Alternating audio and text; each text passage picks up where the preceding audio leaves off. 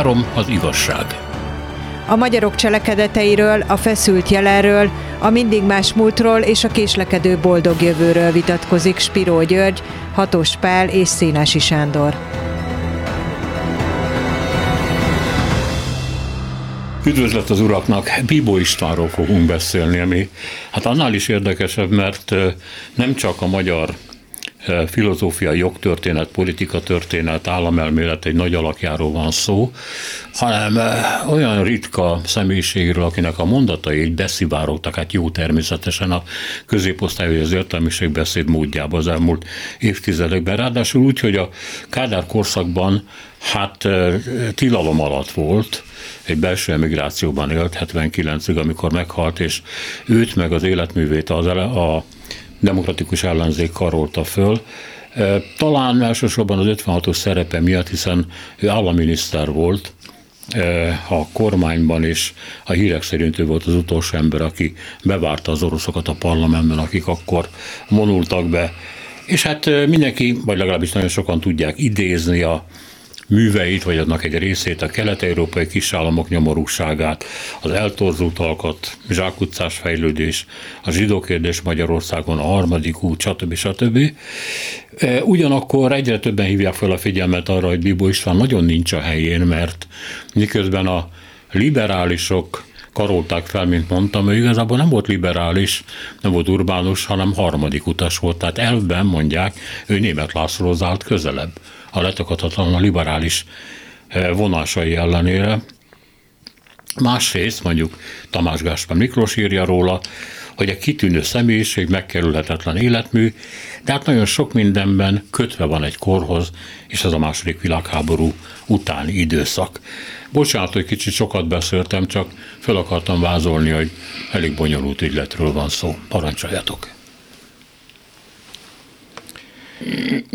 Bibó István biztos, hogy kultikus alakja a magyar történelmnek, a magyar eszmetörténetnek, és bizonyos értelemben a magyar politikának. Tehát ő maga is a Huszár Tiborral folytatott hosszú beszélgetés sorozatban elmondta, hogy ő igazából mindig politikusnak készült, és minden más előkészítés volt számára.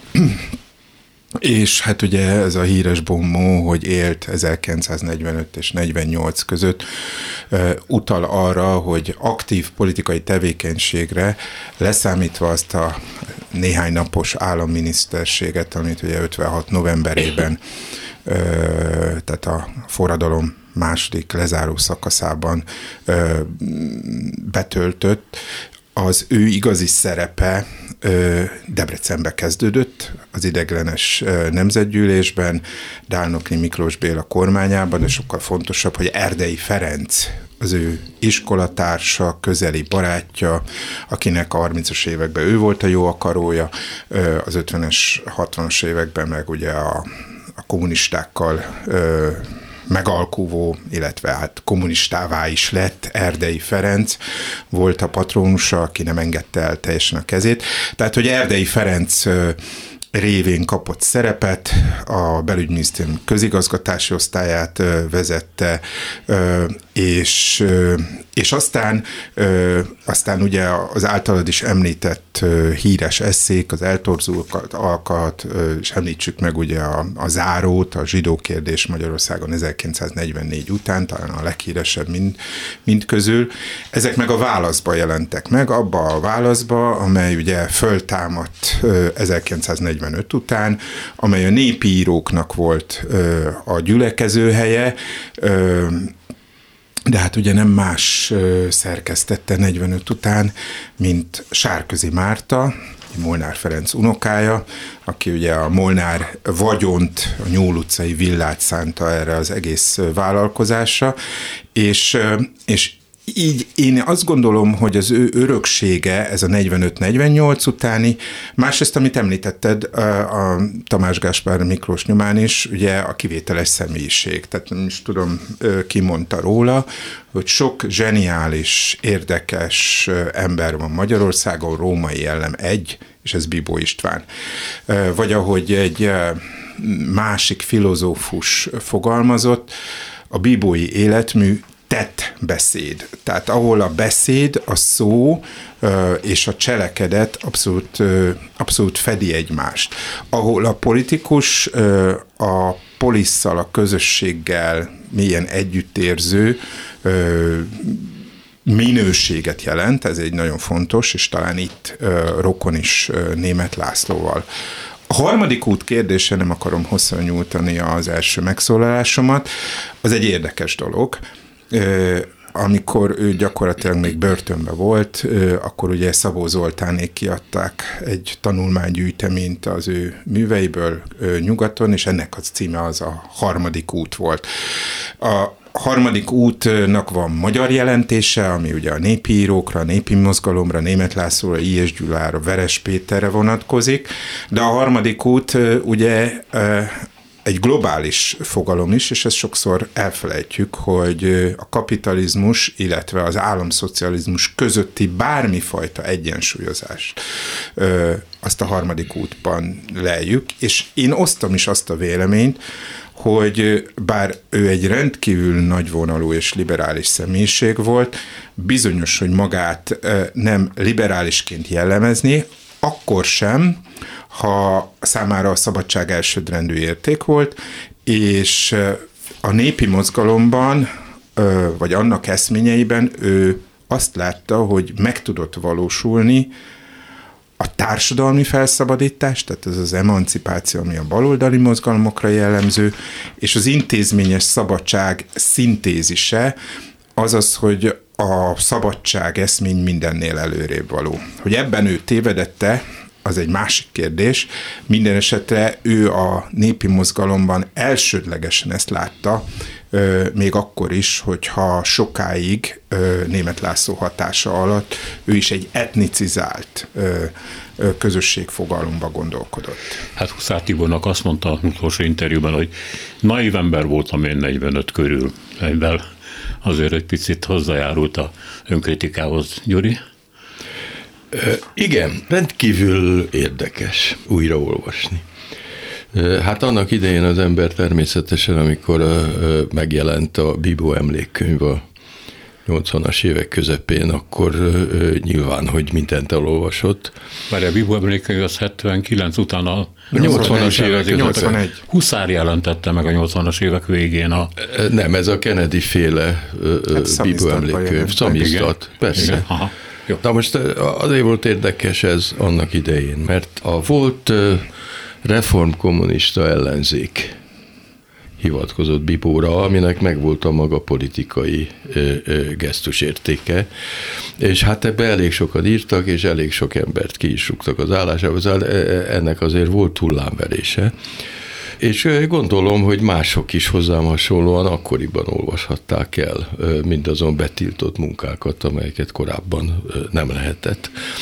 Tegyük hozzá, hogy azért 57 és 63 között börtönben ült, elég veszélyes helyzetben volt, mert hiszen memorandumot intéztek az indiai nagykövetséghez Göncápádal együtt, és, és hát azért a halálbüntetés az ott függött a fejük fölött, tehát Nérunak a személyes beavatkozása kellett ahhoz, hogy ne végezzék ki őket. Tehát ez nem volt olyan nagyon egyszerű időszak. De most visszanézve, Hát azt kell mondanom, hogy ugye amikor a pályája indul a 30-as években, az a magyar eszének egy rendkívüli felvirágzása ez a korszak. És nem csupán a politikusok vagy az ideológiában érdekeltek eszéi voltak akkor rendkívül érdekesek, hanem a Halász Gáboroké, meg a Szerbantaloké. Szóval ez az eszének, a magyar eszének egy rendkívüli korszaka. Azt hiszem, hogy azóta se volt ilyen. És hát ugye hát némelyeket megöltek közülük, mások elhallgattak később 45 után, de minden esetre az eszé, mint műfaj, amelyik nem a történettudományba tartozik, még nem volt politológia, de a felé tendáltak bizonyos dolgok, meg a szociográfia. Tehát mindez együtt egy rendkívül színvonalas tevékenység volt Magyarországon, lényegesen színvonalasabb, ezt fel kell mondanom, mint nagyon sok kelet-európai országban, talán a cseheknél volt néhány ilyen ö, nagy alak, meg a lengyeleknél, de azok inkább az emigráció és később fejlődtek ki. Tehát maga a műfaj, amiben ő elkezd dolgozni, az rendkívül termékeny abban a korszakban. Na most ami a számunkra érdekes, az valóban a 45 és 48 közötti tevékenysége, amikor tulajdonképpen hát naívan, rendkívül naívan azt hiszi, hogy itt lehet valamit csinálni. Ez nagyon érdekes, ez a, a magyar naivitás. Nagyon jó szándékú természetesen, meg hát csak a legjobbakat lehet elmondani erről a szándékról, de de hát mai szemmel nézve e, elég furcsa, amikor azt mondja, hogy 46-47. Magyarország kormányzása egy év óta mind fokozódó mértékben lényegileg két embernek a legszemélyesebb tulajdonságán múlik. Rákosi Mátyás tárgyalóképes humorán, és Tildi Zoltán felelős bölcsességén. Amíg ők meg tudnak egyezni, addig döcög a koalíció, amint kiteszik valahonnan a lábukat, alvezéreik azonnal egymás hajának esnek. Hát ez a jó királyok. Ez a e, magyar e, demokrácia válsága. Igen. E, na, hát persze, hát leszögezi, hogy a magyar demokrácia óriási válságban van, persze, de nagyon érdekes, nagyon érdekes a szemlélet. Tehát nem tud róla, és általában Magyarországon nem tudnak arról, hogy a világ föl van osztva, és hogy itt nincs appelláta azt mondja, vajon függő ügyeink, külső ügyeink állásai már megengedi számunkra azt a luxust, hogy belső zavarainkkal foglalkoztassuk a világ sorsát intéző nagyhatalmakat? Hát ez, e, ebben van a naivitása, mert a nagyhatalmak Magyarországot le se szarják természetesen, se előtte, se utána. És nem tudom, hogy milyen az a különös történet szemlélet, amelyik nem látja be, hogy már előzőleg is így volt. Tehát ez, ez nem valami vadodatú jelenség. Addig voltunk érdekesek, amíg az osztrák-magyar monariát valamiért, főleg a poroszok föntartották. De utána e, ez a dolog nem úgy van.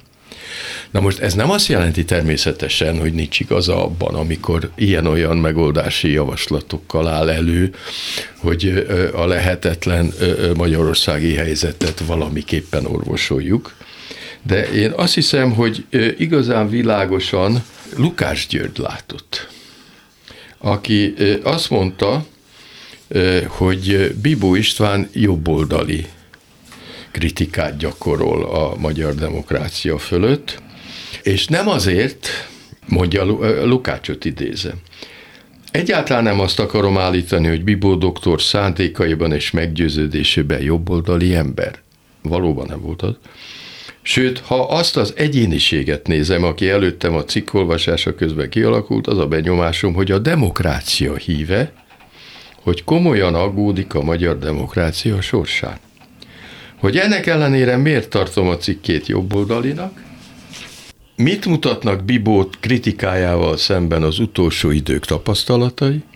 Mindenek előtt azt, hogy a rendőrség a magyar demokrácia egyedüli szerve, amely akcióképes a demokrácia elleni összeesküvések, a demokrácia ellenségei ártalmatlanná tételében. Ó. Na most Lukács teljesen nyíltan fogalmaz, hát még nem, nem a fordulat éve után vagyunk, de megmondja, és hát Bibónak nyilván nem tetszik, hogy a kommunisták nyomulnak, és az övék a rendőrség, meg a titkos rendőrség, persze. De megmondja a Lukács, hogy mi a szocialista demokrácia. A rendőrterror, kérem szépen. Megmondja, nyíltan. De figyelj. Na most hát... Szerintem, Gyuri, itt egy nagyon, nagyon, nagyon, nagyon fontos és elfelejtett dologra a világít rá, és szerintem nagyon plastikus a Lukács féle idézet.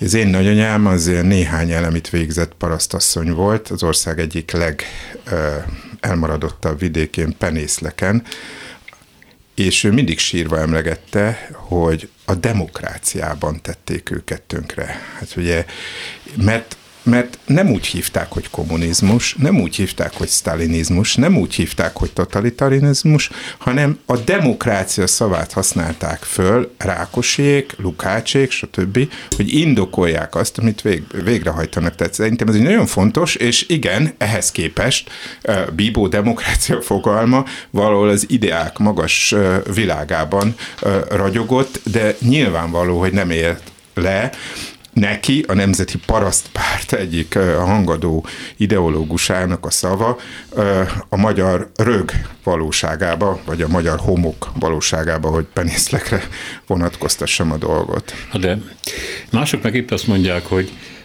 vegyük figyelembe azt, hogy Bibó akkor ugye nem volt liberális, stb. stb. nem volt urbánus, harmadik utas volt, az mennyire utálják jobb oldalon. És hogy miért utálják jobb oldalon? Mert hát az, igen, jobb oldalon, jobb oldalon, ezt írja Ungvári Krisztián. Azért, de mert ő ment baloldali. Azért, azért, amit 45 után csinált, azt mondta a 45-ös választások tisztára mosása, az, hogy e, azt írta, hirdette, hogy Moszkva nem is annyira erőszakos, mint amennyire azt feltételezik róla, hogy a 47-es kék cédulás választás sem vitatta ennek az eredményét, magyarán visszaigazolta a kommunisták nyomulását. Ezt mondja a jobb oldal. Ezért utálják mind a mai napig. Akkor kicsit zavaros a helyzet most. Nem zavaros, baloldali volt valóban, és hadd idézzek eh, eh, erre egy nagyon érdekes mondatot, amikor a kelet-európai kis államokról, tehát Lengyelországról, Csehszlovákiáról és Magyarországról beszél, elítéli őket azért, amiért. Igen, az rendben van, teljesen jogosan. Ezeknek az országoknak a társadalmi és politikai fejlődése megakadt, ebben Magyarország is benne van, vagy ha tovább folyt is, nem tudta felmutatni azt az egyenes vonalúságot és belső hitelt, mely egyrészt Nyugat- és Észak-Európa, másrészt a Szovjetunió fejlődését jellemzi. Írja Bibó. Ez azt jelenti, hogy semmit nem tudott a Szovjetunióról, az égvilágon semmit, de mások se tudtak. Pontosan. Ez viszont egy fontos dolog, igen.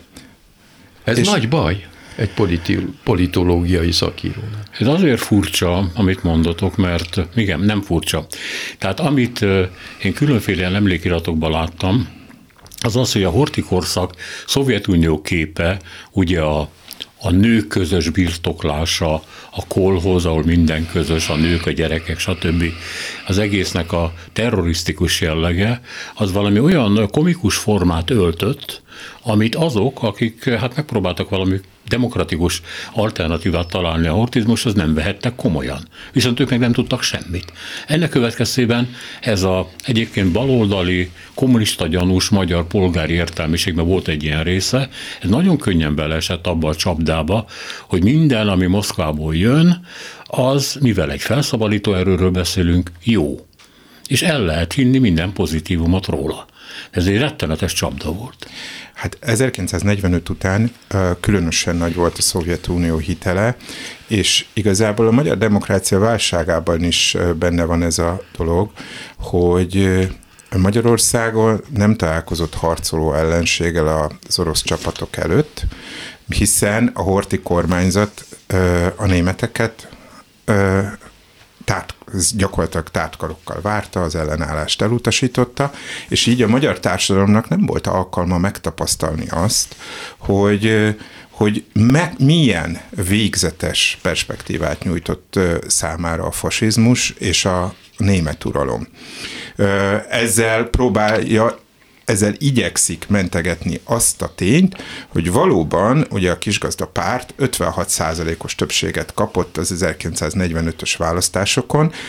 Még feltűnőbb, hogy a kisgazda párt a liberális Budapesten aratott, és ezt arra, és ezt szerintem nagyon reálisan állapítja meg Bibó, hogy ez ugye a megszállás, ugye a tömeges erőszak, a megszálló hadsereg által elkövetett borzalmak hatása, és egyfajta reakció, tehát hogy annak a 25 évnek az eredménye, amely, amely a horti korszakban felépített egy gyakorlatilag izolált magyar közvéleményt, amely ö, úgy tudta kezelni, hogy Trianon az nem igazából realitás, hogy azt meg lehet fordítani, hogy a magyar dicsőség helyreállítható, hogy, hogy, hogy a Magyarországgal csak is és kizárólag ö, ö, igazságtalanság történt is. Ehhez járult hozzá Bibó esetében az is, ö, amely 45 után egész Nyugat-Európában, hogy még azoknak se hitték el a gulág szörnyűségeit 45 utáni években, akik onnan jöttek, akik onnan szabadultak ki. François Fürének van egy nagyon érdekes műve, ez egy híres francia történész volt, a francia forradalmam foglalkozott, magyarul is megjelent, ez pedig a kommunizmus, egy illúzió története, a kommunizmus története, ami jó részt arról szól, hogy hogyan aratott a század legjobb értelmiségeinél a kommunizmus képe szinte osztatlan sikert, Bernard Shaw-tól elkezdve szinte mindenki, akár olyan jobboldali ö, emberekre is, mint például a közigazgatás tudományt művelő magyar Magyari Zoltán, aki egyszerre tudott Mussoliniért, Hitlerért, Rooseveltért és Stalinért lelkesedni, ö, ö, mert hogy ők egy olyan közigazgatást hoztak létre, amely a népet, a tömegeket segíti, amely kielégíti a, a, hát, hát ugye a tömegdemokráciának és a tömegtársadalomnak az igényeit, ugye, hát milyen tragikus öngyilkosságban menekült Magyari Zoltán híregen, ugye az általa létrehozott, és ezt most csak zárójelként mondom, tatai mintajárásban a szovjet csapatok folytószorításában, miközben a szovjet városparancsnok már kereste Budapesten, hogy segítsen megteremteni a 45 utáni közigazgatást. Egész egyszerűen nagyon nehéz 2023-ból, vagy akár 1999-ből is belehelyezkedni abba a fajta fogalmazunk angolul mindsetbe, abba a fajta mentális helyzetbe, amiben 1945 után azok voltak, akik valami jobbat akartak. Ebbe tényleg beletartozik az, hogy Bibó a mai megítélésünkkel naív volt. Jó szándékú volt, és amit egyébként Gyuri felolvasott írás, az, azon a kommunisták nagyon megsértődtek, és nagyon is nehezen nyelte a gyomruk, Rákosit számon tartotta, Révai replikázott rá, mert mert a szónak akkor volt egy, volt egy furcsa ereje, és a bibói szónak volt egy ereje, ez természetesen politika formáló elő, erővé nem alakult, de maradandó nyomot hagyott, és szerintem maradandó nyomot hagy máig is. És pont ebben áll, és mindjárt befejezem, a nagyon érdekes, hogy itt van valaki, aki a magyar úri rendből jön, és nagyon érdekes tényleg az egész családi, meg, meg, meg millió, ahon, ahonnan Bibó származik, és valóban egy, egy, egy, egy baloldali társadalom képbe érkezik meg, egy olyan társadalom képbe, ami nyugaton szokásos. Most temették el Jacques Delors-t. Keresztény és szocialista. Nem keresztény szocialista, keresztény és szocialista. Bibó valószínűleg nem hitt a dogmatikus vallásban, de mélységesen keresztény és mélységesen szocialista. Természetesen én nem Bibó István érdemeit óhajtom ezzel a megállapítással negligálni, és most akkor felolvasok egy olyan részletet, amivel a mai napig teljesen egyet lehet érteni. Azt mondja, Lengyelország 1772-1794 között, Magyarország 1825-1848 között, és Csehország 1918-1938 között az európai demokratizmus és patriotizmus mozgalmára olyan lendülettel reagált, mely a nyugat-európai kortársakat a legnagyobb reményekkel töltötte el. Mind a három azonban szembe került azzal a tényel, hogy az örökölt történelmi területeket, melyekhez mély érzelmekkel ragaszkodott, annak sok nyelvűsége folytán nem képes egységes nemzeti tudattal megtölteni.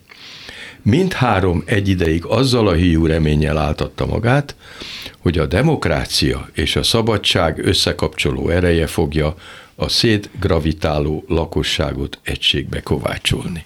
Ezzel teljes mértékben egyet lehet érteni. Rengeteg olyan rész és egész kritikai része van ennek az életműnek, ami tökéletesen áll. De az az érdekes a számomra legalábbis, amikor valamilyen illúziókat, tudatot egy kicsikét elviszik, és azért a magyar legjobbakra mindig jellemző volt, hogy mindig nyugat-európai szemmel nézték Magyarországot, mindig Nyugat-Európához hasonlították, ami rendkívül egészséges, mert hiszen az a régió a fejlettebb, tehát akkor ahhoz kell csatlakozni valami, ahhoz kell felzárkózni. De közben meg nem ismerték, és a mai napig nem ismerik, hogy milyen volt a cárizmus, a Szovjetunió és milyen Oroszország, és fogalmuk nincs arról, hogy mi van Kelet-Európában. Na most ez azért érdekes, a Bibo nagyon jó források. Egy időben még a 80-as, 90-es években megnéztem, hogy milyen források álltak a rendelkezésre. Angolul, németül, franciául. Tehát azokon a nyelveken, amelyeken ő olvasott. És ezeket ő elolvasta.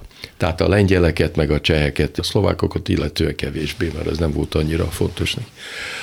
De ezek a legjobb legyeléscse történészek, akik az enciklopédia Britannicában meg hasonló helyekre írtak hatalmas tanulmányokat, nagyszerű történészek. De közben a rögvalósághoz nem volt kulcsa Kelet-Európában, ahhoz a rögvalósághoz, amelyet nem annyira a történészek tártak föl, hanem például a szépirodalom, meg a személyes kapcsolatok, meg sok minden egyéb meg a valóságos politikai kapcsolatok, amelyekről, amelyekbe ő nem volt beavatva. Nyilván, hogy az apósa révén, a Ravasz László révén be volt avatva e, egyházügyi kérdésekbe, amelyek fontosak.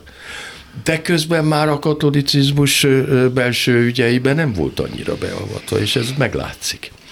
Tehát én csak arra hívom föl a figyelmet, hogy a magyar jobbak, a helyi jobbak, ahogy Tandurig fogalmazott egyszer, a helyi jobbak. Hát némi gúny van ebben a fogalmazásban. Azoknak a perspektívájából kimarad az, ami azért Magyarországot egy kicsikét odébb helyezi térben és időben. És ebből származik egy csomó olyan illúzió, amit erősen a politikával kifejtve például Károlyi Mihálynál láthatunk, aki hát még a világháború előtt is mindig kereste a kapcsolatot az oroszokkal. a címébe az illúzió szót, ugye? Persze, tehát szóval amit nem ismerünk, az visszaüt. Nézzük, ha egyetértetek ezzel, hogy ma mi az, amit használnak, és hát nyilvánvalóan használnak belőle, nem csak egy ide-oda dobált, aztán most aztán hogy megint a helyén levő, tehát a rakparton levő melszobor ott van, ugye, 21 óta visszatették őt, de hát mondom, a jobboldali ellenszem egy darabig, nem is nagyon keményen, de üldözte őt. Szalai Erzsébetet szeretném idézni nektek. Ő a Zsák utcával indul, illetve hát azokkal a meghatározásokkal, nevekkel, amik szintén elterjedtek, ugye a, a hamis realista, túlfeszült lényeglátók, ezek ott kavaródnak, vagy mondjuk az a mondata, hogy a demokrata nem fél. Hát persze a demokrata is szokott félni, nem egészen úgy értette ezt ő, de hát ez már így nem terjedt el. És azt mondja, hogy ha a zsákutcát olvassa az ember, mondja Szalai Erzsébet, akkor rájövünk arra, hogy miért rontottuk el, és hogy megint elrontottunk egy rendszerváltást hogy, hogy a magyar értelmiség tévúton jár, azt mondja, hogy a hamis realisták ugye azt mondják, hogy ebből a kelet-európaiságból nincsen kiút, úgyhogy éldegéljünk, ahogy tudunk, műveljük kertjeinket, hát ez a szokásos, ne próbáljunk nagyra nézni. Aztán vannak a túlfeszült lényeglátók, Szalai Erzsébet szerint ma is, akik viszont a helyzet föl nem ismerése nyomán szorulnak perifériára és kiabálnak ott, ahonnan senki nem hallja meg őket, és a kettő között van egy többség, amelyik a napi egymás taposásával foglalkozik, és vágyik egyre erősebben, teljesen mindegy, hogy milyen oldalon áll az erős államra, és úgy tűnik, hogy ezt meg is kapja. Ezt azért olvastam föl, csak hogy mondjam, hogy van mai interpretáció annak, amit Miból leírt. Erről mit gondoltok? Hát szerintem nem olvasnak Bibót sem. Senkit nem olvasnak. Tehát nehezebb szöveget egyszerűen senki nem olvas, azok se, akik írnak valami hasonló tárgyba. És akkor csuda dolgokat találhatnának. Például a magyar zsidóságról és a magyar zsidóknak az ellen nem állásáról a holokauszt idején, megállapítja, hogy ez mélységesen magyar. És igen, mert annyira asszimilálódott asszimilálódott a magyar zsidóság, hogy magyarrá vált a hibáiban is, meg a bűneiben is. Na most, amikor arról beszél persze, hogy idézem, az antiszemiták indulatai függetlenül attól, hogy milyen sötétek az előítéleteik, és milyen hibásak az általánosításaik, azért valóságos tapasztalatokon és valóságos érzelmeken alapulnak, az utóbbi igaz a valóságos érzelmek. Hát olyanok vannak. Hát, de a valóságos tapasztalatokat aztán soha nem részletezi, tehát most tessék megmondani, nem foglalkozik, általában nem szokott foglalkozni a társadalomnak és benne a zsidóságnak a rendkívüli rétegzettségével. Ezt a hibát nagyon sokan elkövetik, a cigányokról szólva is, meg mindenféle népességről szólva. Tehát egyszerűen az osztály és réteg elemzések azok szakcikkekben megjelennek, de általános összefoglalókban nem. Ez érdekes, és a Bibónál sem.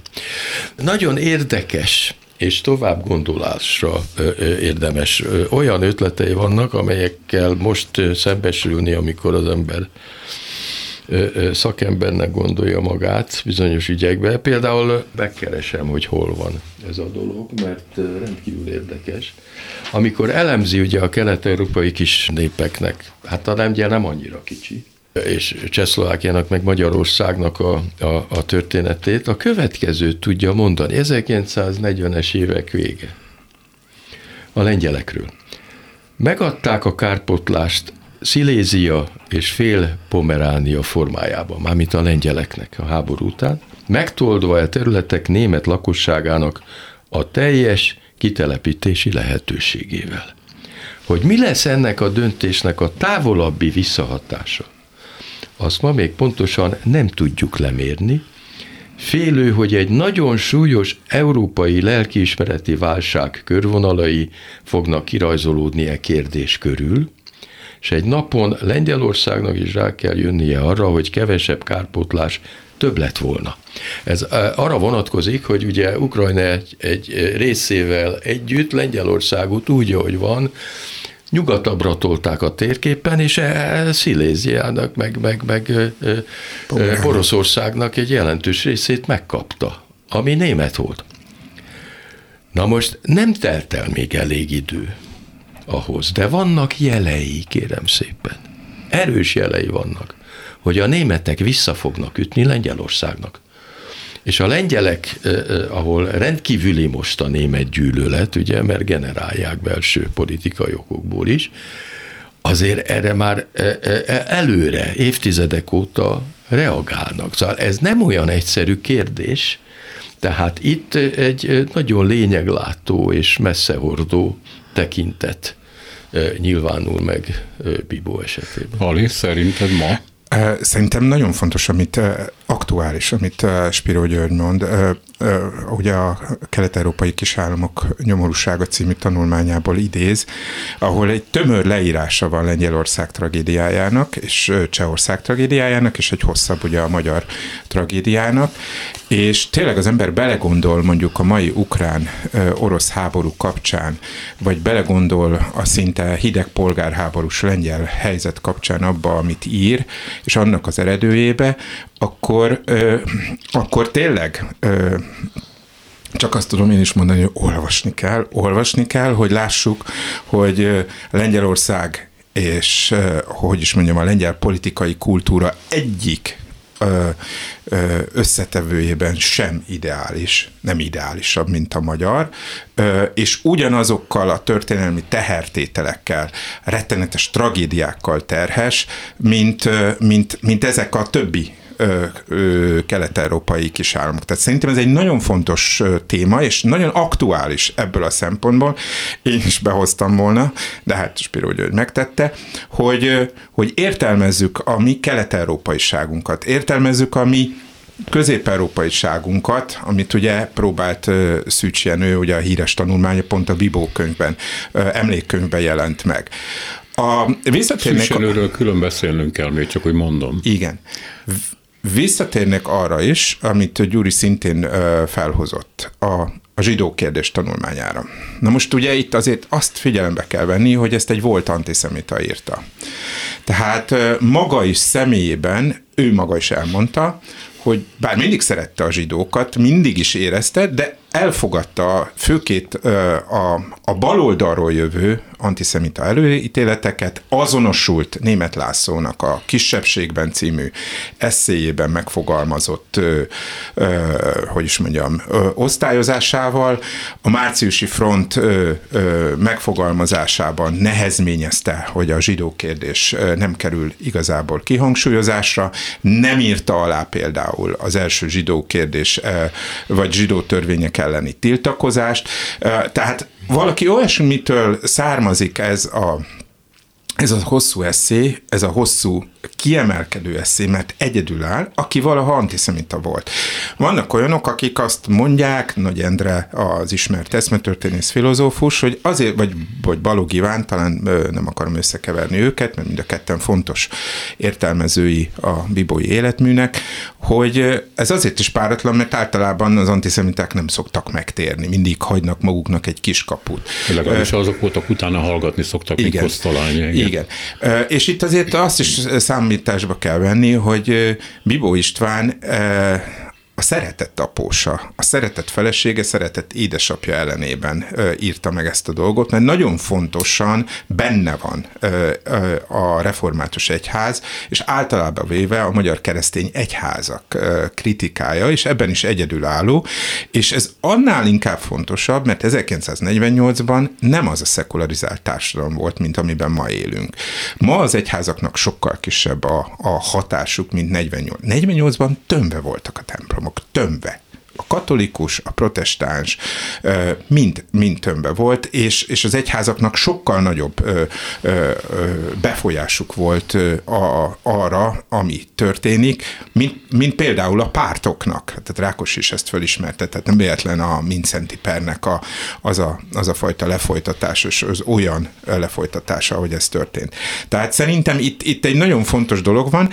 Visszatérnék arra is, amit mondott, hogy igen, tehát érez érezni ö, azt, hogy, hogy itt, itt valaki ö, jön valahonnan, ö, jön egy magyar középosztályból, jön egy magyar úri rendből, amelyhez ő nagyon kritikusan viszonyul, de amelyből hozza mindezeket, ennek a magyar polgárosodásnak a, a hogy is mondjam, meghasadt voltát. És a Huszár Tiborral való beszélgetés, ugye ez, ezek 1976 és 78 vagy 79 között voltak hosszú beszélgetések, amikor már Bibó beteg, visszavonult, és és egyszerre egyébként ugye a demokratikus ellenzéknek, a másként gondolkodóknak, a fiatal bölcsés nemzedékeknek egyfajta szellemi mentora.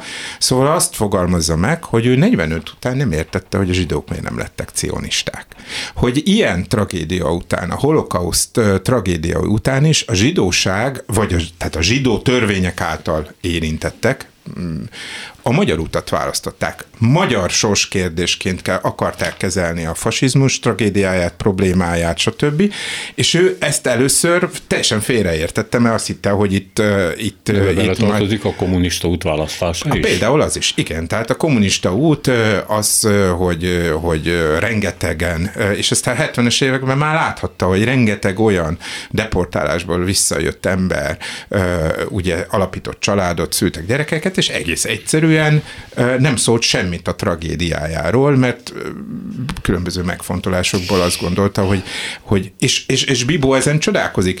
Ez egyébként szerintem annak a, annak a fajta szellemi attitűdnek a megnyilvánulása, ami ugye nem szerepel a kánonokban, de mégiscsak ritka. Tehát valaki, aki képes a tévedései folyamatos beismerésére, és szerintem Bibónak ez egy, ez egy fontos, fontos tanulsága. Van itt néhány mondat, szintén Bibótól való, kicsit átírtam, mert egyébként úgy nagyon hosszú lenne. Reagál arra, amit Gyuri mondott, hogy az első tudnélik, hogy mi a mi bajunk, amiért meg fogunk lakolni, mondja Bibó. A helyzethez nem illő fogalmak. Ugye mondtad, hogy miközben a magyar értelmiség nyugatra veti a tekintetét, nem látja, hogy körülötte mi tartozik, és a helyzetre alkalmazott fogalmaiban téved. A másik, amit Bimo mond, a történelmi süketségünk hogy nem fogjuk fel, hogy honnan jövünk, mi történt velünk, és ennek mi egyáltalán a következménye. A harmadik az újdonság föl nem ismerése, hát ezt így nem kell magyarázni. És ami a kelet-európai társadalmakat, az elitet, társadalmat leírja, az erőszakosság, a bürokrácia és a mély kultúra ellenesség, írja Bibó. Hát, ő körülnézünk akkor? Igen, igen. Én egyébként azt, talán azt is említetted, vagy nem is tudom, talán Gyuri említettem, bocsánat, hogy nem emlékszem, ez a, a demokrata nem fél, tehát hogy ez a mhm. híres mondat. Szerintem ez nyilvánvalóan minden, ami közhelyé lett, az ellaposodik, annak a jelentése kiürül, az jelszónak alkalmas, de ő ezt megélte, tehát ott lenni a parlamentben, amikor közelednek a szovjet csapatok, nem igénybe venni bizonyos támogatásokat, meg, meg stb. Tehát ez Gyarmati Györgynek, a történésznek van egy nagyon érdekes tanulmánya arról, hogy milyen következetesen visszautasította a Kádár korszakba való beilleszkedés lehetőségét Bibó egész egyszerűen, mert, mert a nem félés az az erőszak elutasítása, és ez, ez egy alapvető pontja az ő az ő egész ővrjének, az ő egész életművének, és ez indokolja, hát gondolkodói szempontból nyilvánvaló ez egy deficit, de mégiscsak indokolja azt a fajta naivitást, amivel ő, ő hozzááll a, a, a dolgokhoz. És nagyon érdekes, hogy ezt is egy, nem is tudom, egy levélbe, vagy egy beszélgetésbe, hogy ő azért fogadta el Nagy Imre felkérését az államminiszterségre, mert Nagy Imre bejelentette az ávó felosztását. Ugye az ávó az, ami az erőszak monopóliumát jelzi, amire egyébként szintén, tehát hogy ez, ez, ez amit Gyuri említett, a Lukács, tehát hogy Lukács számára ugye az erőszak az abszolút ö, szervesen hozzátartozik a kommunista ügytanhoz. És hogy azért nem tud kivékülni Kádára, mert Kádár visszahozza az ávót. Ö, ö, nem szünteti meg, névlegesen persze ö, átnevezik, stb., de hát ugye minden szinten visszahozza.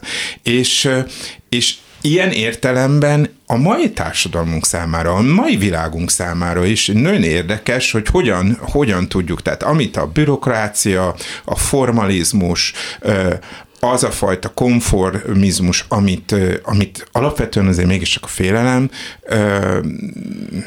tesz élővé, hát egy ellenpéldát talál Bíbóba. Az a kérdés nekem számomra mindig az a kérdés, hogy ez a kétségtelen etikai tisztaság, ez követhető-e.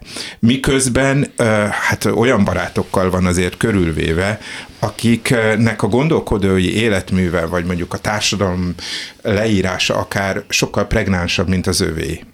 Erdei Ference gondolok de etikailag sokkal nagyobbat buktak azzal, amilyen szerepet vállaltak. Tehát lehet, hogy Erdei Ferenc öröksége társadalomtudományi szempontból maradandóbb, mint Bíbóé, az eszéisztikus Bíbóé, de hát, de hát Erdei, mint ember, mint politikus, megbukott már 45-ben, amikor fedezte a kommunista politikai rendőrségnek a bűneit belügyminiszterként, és hát megbukott ugye a kádári, ö, ö, hogy is mondjam, ö, rendcsinálásban való ö, részvételével is. Ha gondolod, akkor még valamit fölhoznék, de ha van ehhez hozzáfűzni valót, persze. Hát, tudnék, ő írt a közel-keleti helyzetről is, és hát ez most annyira akut már megint, hogy gondoltam, szóba hozom. Ez a béketeremtésnek valamiféle olyan kicsit bonyolultan megfogalmazott, de állítólag az akkori nemzetközi trendekben, amikor ezt írta, belevágó volt. Ez a területi egyensúly és a lélektani egyensúlynak valami fura leírása, amikor azt mondja, hogy tulajdonképpen az államok akkor köthetnek békét, hogyha ebből a békéből következik egy olyan egyensúly, ami nem borítja fel ezt a békét megint, mert békeköt is egyébként teljesen értelmetlen, de ez valami lélektani egyensúly is kell, hogy az emberek, a társadalmak ebbe belenyugodjanak. Én nem tudom, hogy konkrétabban mit írt egyébként, akkor még nem bontakozott ki annyira az, ami a közel-keleten később történt, de, de hogy a békéről azt hiszem, hogy vannak érvényes gondolatai, ha ez benneteket most érdekel, akkor ezt így oda tenném.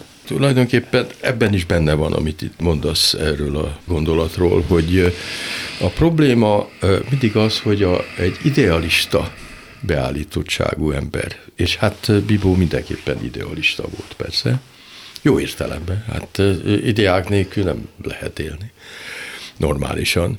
Miképpen viszonyul a reáliákhoz? Miképpen viszonyul ahhoz, ami van? És ugyanez a kérdés, amikor Magyarországról rendkívül érvényesen a következőt mondja, ez 1849-es katasztrófáról mondja. Ennek a katasztrófának, mármint világos, ugye a fegyverletéte, ennek a katasztrófának két tanulsága rögződött meg a magyar nemzet politikai tudatában. Az egyik az volt, hogy Európa Magyarországot függetlenségi harcában cserben hagyta, ezt még 45-48 között írja, tehát még nem 56-ról van szó, amikor szintén. A másik tanulság az volt, hogy az idegen nyelvű nemzetiségek a demokratikus szabadságot az elszakadásra fogják felhasználni. Az előbbi tanulságból született meg az 1867 évi osztrák-magyar kiegyezés, melynek lényege az volt, hogy Magyarország a maga történeti területének a megtartása érdekében lemondott a teljes függetlenségről. Stb. stb. De hát nem volt lehetséges a teljes függetlenség kivívása. Tehát teljesen igaza van Bibónak, hogy ez hihetetlen hazugság tömeggel járt, és a mai napig ebben a hazugságban élünk, módosított formában, de ugyanerről az. De hogy lehetséges egy e, kisállamnak a nemzeti függetlensége? És azt kell mondanom, hogy sehogy. Na most itt kibékíthetetlen ellentét van, a között, ami reális, és a között, ami ideális. Hát igen, tehát ez az idealizmus mennyiben, mennyiben indokolt, és mennyiben indokolt, mint, mint, mint a közéleti szerepet vállalók számára, hogy feltétlen és minden körülmények között megtartandó, hogy is mondjam, iránytű legyen. Nekem egyébként itt van a, nem is ellenérzésem, hanem ez a fészkelő kisördög a fejemben. Tehát, hogy ő német László nyomán ö, például Szegfű Gyulát feltétlenül elítéli. Ugye itt van a túlfeszült ö, lényeglátó és a hamis realista. Ö, Bíbó számára a kiegyezés ö, és a kiegyezésből következő bármiféle fejlődés 44-hez vezet. Ez olyan sommás, egyébként az a nagyon érdekes, hogy bizonyos értelemben Lukács számára is. Tehát ebben a két ember, akik ugye hát egyébként nem egyeztek egymással sok tekintetben, Szóval, hogy ebben megegyeznek. És én ezt ö, nem tudom elfogadni, és ez pontosan abból a sarkított ö, ö, történelmből, szemléletből fakad, amelyet ö, Bibó, és szerintem ez fontos megjegyeznünk, amely Bibó naivitásával ö, rejlik, és ez egy nem teljesen végig gondolt, hogy a politika azért mindig a lehetőségek művészete is.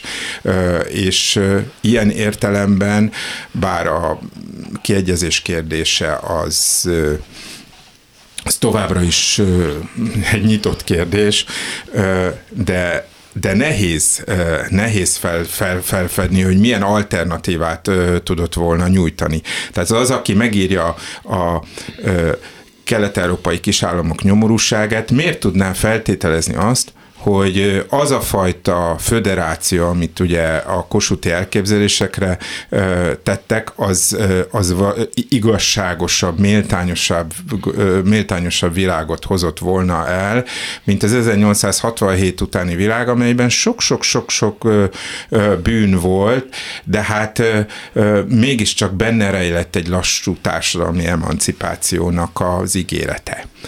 Ebben a tekintetben, ha szabad még ezt elmondanom, érdemes három hatalmas magyar gondolkodót játékba hozni így a beszélgetésünk végén.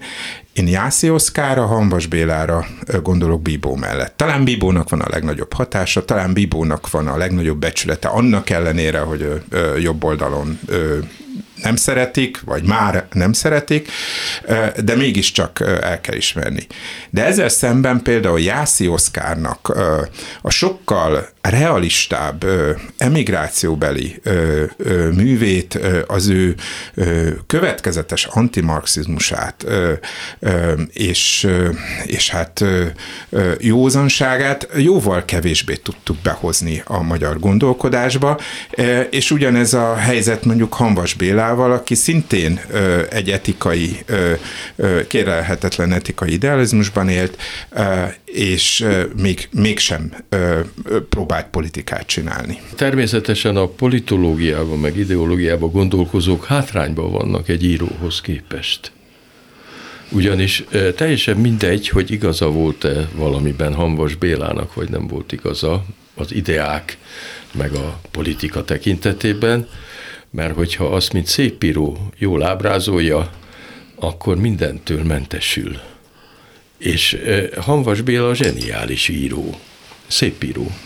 És az ő regényein semmit nem változtat, hogy a szerző miről mit gondolt, mert azok hát csodálatos művek, a karnevál, eh, meg a szilveszter, meg eh, úgyhogy eh, nagyon nagy esélye van annak, hogy még ebben a Kelet-Európában is, ahol annyira töredékes minden, és annyira nem tudnak az ideák, a jó ideák, a humánus ideák megvalósulni, hogy azért a szépíróknak van, és továbbra is lesz alkalmuk arra, hogy a műfajukat gyakorolják.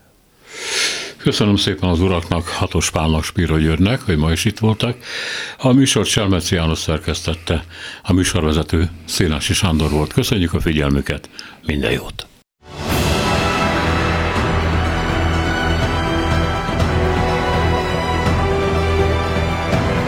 Három az igazság. Szénási Sándor műsorát hallották.